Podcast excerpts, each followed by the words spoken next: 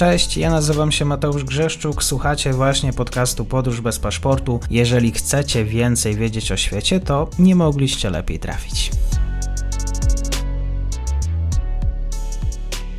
Partnerem odcinka jest Oanda, TMS Brokers, dom maklerski obecny na rynku już od ponad 20 lat. W opisie odcinka znajdziecie link do aplikacji, której możecie otworzyć konto maklerskie i grać na giełdzie, a wcześniej potrenować na koncie demonstracyjnym. Jeżeli otworzycie konto za pośrednictwem tego linku, dostaniecie na start książkę o tematyce inwestycyjnej. Zapraszam, Mateusz. Dzień dobry Państwu, dzień dobry wszystkim słuchaczom. Ze mną jest dzisiaj Bartosz Chmielewski z Ośrodka Studiów Wschodnich. Będziemy rozmawiać o Łotwie i o gospodarce i nie tylko. Dzień dobry, bardzo mi miło. Dzień dobry. Biorąc pod uwagę sytuację gospodarczą, trudną sytuację w Europie i nie tylko, wielu ekspertów wskazuje, że najważniejszym czynnikiem, nie tylko biorąc pod uwagę, najważniejszym czynnikiem są dzisiaj zasoby ludzkie. W przypadku Polski, e, taki biorąc pod uwagę nasz system emerytalno-zdrowotny i też to, co nas czeka, no analitycy nie są zbyt pozytywnie nastawieni, bo okazuje się, że w kraju nad Wisłą e, ludzi e, za jakiś czas, bo mowa o 2060 roku, Eurostat, współczynnik obciążenia demograficznego osobami starszymi wyniesie 62,5%. Kto będzie tylko wyższy? Będzie to Łotwa. Łotysze będą się szybko starzeć, co y, pewnie sprawi, że będzie miało to wpływ na, na gospodarkę. Gospodarkę, która już teraz e, chyba nie radzi sobie najlepiej. A na pewno na tle swoich bałtyckich sąsiadów widzimy różnicę, że rozwija się coraz wolniej i coraz bardziej odstaje Łotwa gospodarczo od Estonii i od Litwy, które rozwijają się dużo szybciej, pomimo tego, że państwa te podobnie przeżywają teraz kryzys, przeżywają spowolnienie i skutki tego czegoś, co moglibyśmy nazwać multikryzysem, czyli połączonego kryzysu koronowego związanego z pandemią i konsekwencje działań wojennych, które mają teraz miejsce e, na Ukrainie. Tutaj tą różnicę między, między Łotwą a pozostałymi państwami bałtyckimi chyba najłatwiej jest zauważyć, e, jeżeli porównamy sobie zarobki w tych krajach. Ponieważ jeżeli weźmiemy średnie wynagrodzenie w euro w tych wszystkich trzech e, państwach, to wychodzi nam, że na Łotwie jest ono najniższe. Tak jak porównamy sobie je w kwotach brutto i po odliczeniu podatków kwotach netto. Na Łotwie średnie takie wynagrodzenie netto to jest w zeszłym roku to było 997 euro, gdzie na Litwie to już było ponad 1100 euro, a w Estonii 1400 euro. To samo mamy przy wynagrodzeniu minimalnym, które jest najniższe e, na Łotwie, a jednocześnie te ceny we wszystkich trzech państwach e, są dość podobne. Więc tak jak patrzymy z lotu ptaka, to moglibyśmy zauważyć, że w tym momencie najtrudniej e, żyje się spośród e, trzech państw bałtyckich na Łotwie. Chociaż e, nie zawsze tak było. Takimi głównymi, głównym tym, co jest tym zworniczym, sprawia, że rzeczywiście Łotwa stanęła w miejscu, jest? Oj, tych czynników jest bardzo dużo. Musielibyśmy się zastanowić. Jeżeli spojrzymy sobie e, na dane ekonomiczne tak w perspektywie ostatniej dekady, a mm, szczególnie jak spojrzymy sobie tam na, e, spojrzymy na wskaźnik taki najprostszy, czyli PKB na, na mieszkańca w stałych cenach, to możemy sobie to tłumaczyć, że takim punktem zwrotnym był kryzys 2000, e, kryzys finansowy, który tak trwało od 2008 do 2010 roku. Wtedy Łotwa zaczęła mieć problemy i spowalniać. Łotewską gospodarkę wtedy po raz pierwszy wyprzedziła gospodarka litewska. Gospodarka estońska od dawien dawna była, była bardziej e, rozwinięta niż, e, niż łotewska. No i od tego momentu ta gospodarka zaczęła spowalniać. Tutaj taką przyczyną na pewno, która będzie mm, równolegle przechodziła razem z tym kryzysem ekonomicznym, jest emigracja i cała fala wyjazdów z Łotwy i wyjazdów w dwóch kierunkach. Po pierwsze, wyjazdów za granicę i wyjazdów z prowincji łotewskiej e, do stolicy, co po tych 10 latach spowodowało nam taką mm, nierówność społeczną, nierówność społeczno-ekonomiczną, gdzie mamy bardzo bogate centrum w formie aglomeracji ryskiej i bardzo rozległe, biedne, mniej lub bardziej biedne peryferia stolicy. De facto mówimy o państwie, gdzie, a właściwie mo możemy mówić o dwóch państwach, bo Ryga to nie Łotwa i mówimy tutaj oddzielnie o Rydze, która jest troszeczkę innym uniwersum i o reszcie Łotwy. I takim przykładem tej różnicy, która, która powstała w przeciągu 10 lat po tym kryzysie gospodarczym, która bardziej się uwidoczniła, bo, bo te różnice były zawsze, ale nie tak, nie tak oczywiste jak teraz, jest to, że niemal 69%, prawie, prawie 70% e, łotewskiej gospodarki jest wytwarzane właśnie w aglomeracji e, ryskiej, czyli w stolicy i w przyległych gminach.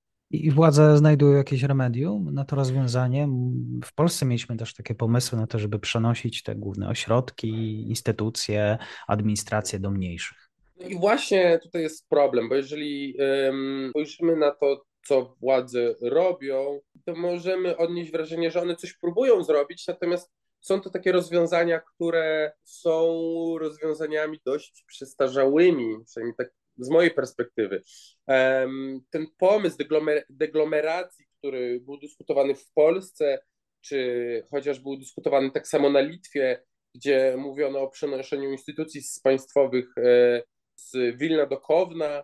Na Łotwie tej dyskusji nie ma, bo de facto nie ma gdzie przenosić tych e, instytucji państwowych, ponieważ po pierwsze, poza Rygą kolejne miasta są małe albo są mniejsze, nie zawsze są dobrze skomunikowane z centrum, więc dość trudno byłoby codziennie dojeżdżać y, ludziom, załatwiając swoje sprawy lub pracując. Przykładem, świetnym przykładem jest to, że połączenie między dwoma y, największymi miastami Łotwy, czyli Rygą i Dyneburgiem, które leży na południowym wschodzie kraju, zajmuje pociągiem około 4-4,5 godziny. Jest to odległość 200 kilometrów, a ta sama odległość y, polską koleją mm, to jest odległość między Warszawą a Białymstokiem, można ją przejechać w ciągu dwóch i pół godziny. To jest e, jeden z przykładów tego, jak daleko od siebie są w cudzysłowie daleko te miasta i jakim, co jest kolejnym problemem Łotwy, czyli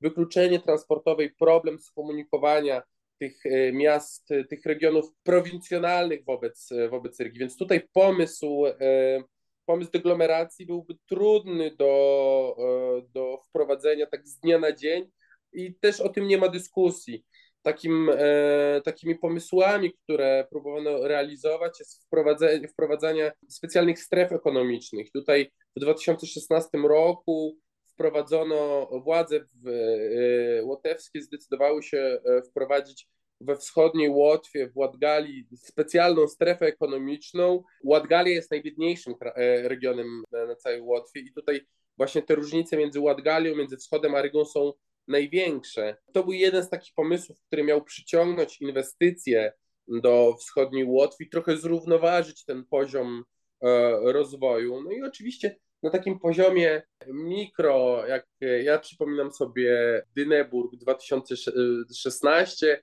i Dyneburg 2020, e, no to, to tą różnicę widać w postaci chociażby tego, że centrum e, Dyneburga jest bardziej rozwinięte, jest tam więcej knajp, instytucji, miejsc, gdzie można spędzić czas. Natomiast te inwestycje, te wielkie inwestycje, które miały, które miała przyciągnąć ta strefa ekonomiczna do całego regionu, nie pojawiły się, a ile się pojawiają, są to raczej z, zakłady, które zatrudniają wysoko wyspecjalizowanych pracowników i raczej potrzebują ich niewielką ilość, a potrzebują ich bardzo wysoko wykształconych no i nie zmienia to tak naprawdę sytuacji takiej makro w, w całym regionie, więc te, te starania mm, są niewystarczające i tak jest do dzisiaj. Oczywiście rząd łotewski, Ministerstwo, Ministerstwo Rozwoju Regionalnego wdraża kolejne plany, w ramach których myśli o tym, o tym stymulowaniu zrównoważonego rozwoju. Natomiast wiele wskazuje, że w pewnym stopniu może być już trochę za późno, a jeżeli nie jest za późno, należałoby myśleć o podstawach takich jak właśnie rozwój transportu, czy przyciągnięcie ludzi do tych regionów słabiej rozwiniętych, ponieważ e, problemem Łotwy, drugim, który wiąże się z tym niezrównoważonym rozwojem, jest, jest coraz mniejsza e, liczba ludzi. To jest coś, co jeżeli udałoby się rozwiązać, to te problemy ekonomiczno-społeczne też miały szansę by się zmienić. Na pewno zmieniłoby to trendy. Rodzi się coraz mniej dzieci, ale w związku z tym, że zmienia się też e, życie, styl życia naszych sąsiadów z północy? Te tendencje związane z, ze zmianami stylu życia są, dotyczą nie tylko, nie tylko Łotwy, dotyczą też Litwy, Estonii, dotyczą też Polski i innych państw e, europejskich. Tutaj problemem jest coś, co ja bym nazwał starzeniem się regionów. Na Łotwie dzieci się rodzą. Oczywiście mamy negatywny przyrost naturalny i to jest, to jest problem, natomiast na Łotwie dzieci się rodzą, ale one się rodzą w konkretnych y, częściach państwa. Jeżeli sobie spojrzymy na mapę, to najwięcej urodzeń będziemy mieli e, w gminach e, znajdujących się wokół Rygi, na, na łotewskich, na, na ryskich przedmieściach, tam gdzie zazwyczaj klasa średnia z Rygi wyprowadziła się już kilka lat temu, pobudowała dom i tam mamy, e, to są jedyne gminy, gdzie mamy pozytywny przyrost na, naturalny na Łotwie, a w tych gminach bardziej oddalonych od, od Rygi, w tych gminach, które z zasady 10 lat temu, z których 10 lat temu zaczęły się masowe wyjazdy, tam, e, to tam mamy największy problem starzenia się społeczeństwa i czym dalej od centrum, czym dalej od Rygi, tym te lokalne społeczeństwa, te lokalne społeczności są coraz starsze i ta średnia wieku jest coraz większa. I to tam e, mamy największy problem demograficzny, e, ponieważ e, coraz częściej, coraz częściej mieszkańcy tych regionów po prostu nie mogą już mieć dzieci, bo dlatego, że ludzie w wieku produkcyjnym albo wyjechali za granicę do pracy, albo właśnie wyjechali do Rygi i, lub na przedmieścia Rygi i tam e, zakładają e, swoje e, rodziny. I to jest dużo większy problem rozwojowy niż sam niż same zmiany stylu życia, o których mówiliśmy. I tutaj takim rozwiązaniem lub takim rzeczą, która mogłaby zmienić te trendy, to już mówiliśmy, jest przyciągnięcie E, mieszkańców do tych, e, do tych e, gmin. Natomiast tutaj mamy kolejne problemy i kolejne takie czynniki, które powodują, że nie da się zrobić tego z dnia na dzień. To pewnie też powoduje jakieś kompleksy względem swoich sąsiadów z Bałtyku, czyli Estonii i Litwy. Nie wiem, czy to powoduje kompleksy, ale na pewno zauważamy taki, taką tendencję, że coraz więcej Łotyszy znajduje sobie swoją przystań w Estonii i emigruje do Estonii, ponieważ w Estonii e, jest lepszy standard życia i tutaj są takie dwa segmenty emigracji do, do Estonii. Po pierwsze to są pracownicy sektora IT, który jest dużo bardziej rozwinięty i daje większe perspektywy, jak się czyta na przykład wywiady prasowe z, z takimi osobami, które z Łotyszami, którzy wyjechali do Estonii, to ta, ta narracja wygląda w ten sposób, że Estonia jest miejscem, Tallinn jest miejscem, gdzie można robić karierę w, w, IT, w samej czołówce światowego IT. I to jest pewien segment ludzi, którzy, który y, wyjeżdża. Drugim takim segmentem są mieszkańcy pogranicza, którzy wyjeżdżają do południowej Estonii, niekoniecznie zawsze za pracą, ale za usługami. Tutaj takim symptomatycznym przykładem jest miasto pograniczne Walka-Walga,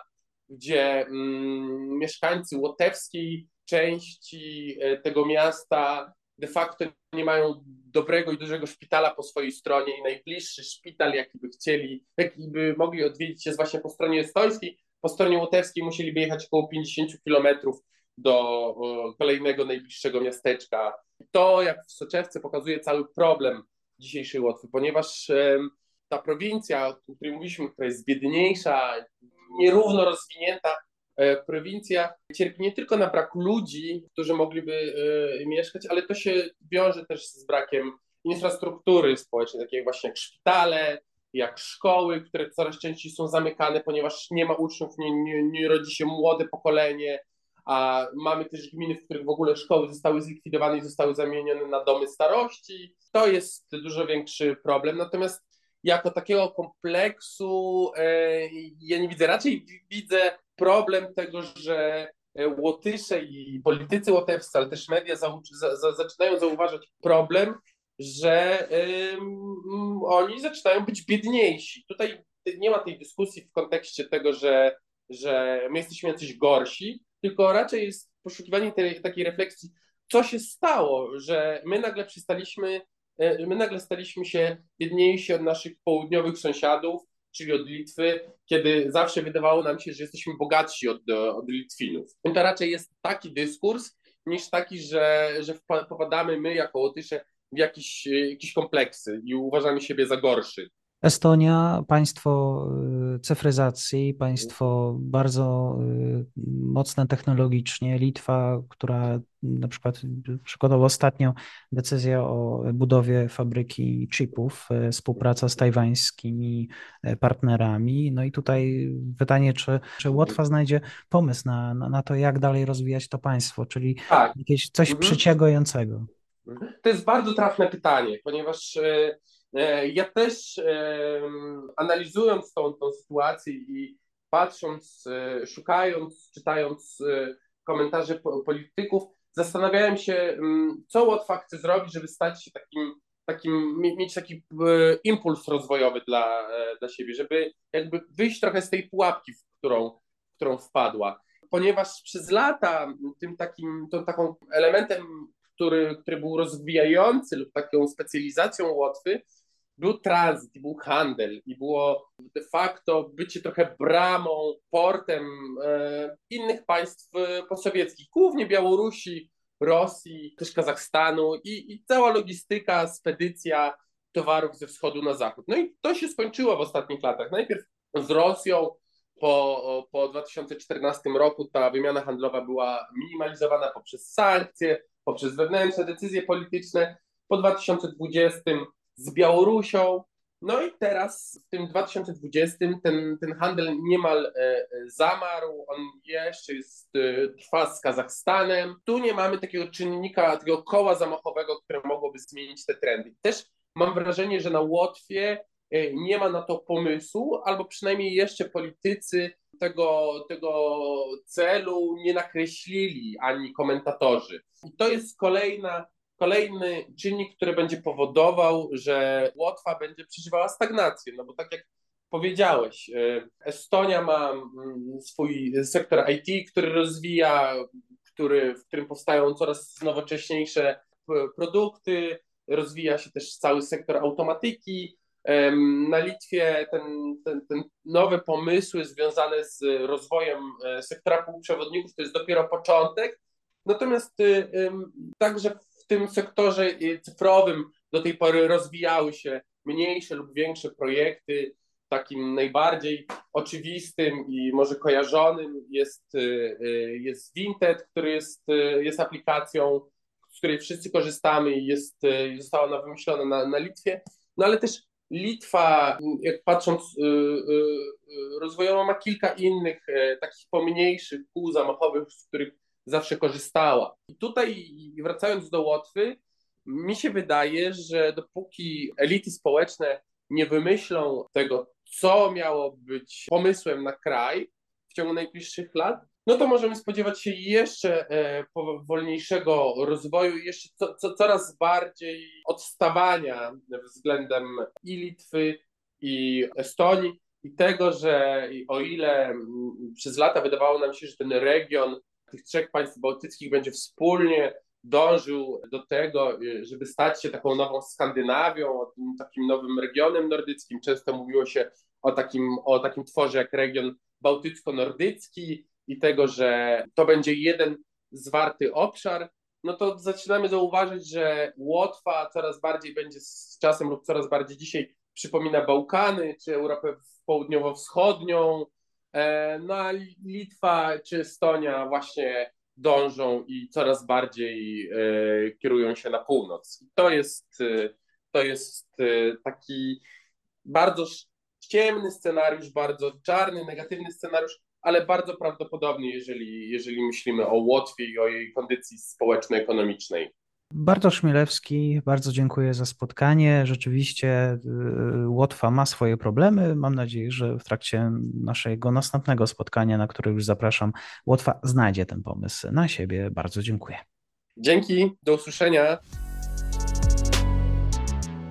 I to już koniec na dzisiaj. Zapraszam na profil podcastu Podróż bez paszportu na Facebooku, Instagramie i Twitterze. Zachęcam też do wsparcia mojej pracy na serwisie Patronite oraz Buy Coffee. Do usłyszenia.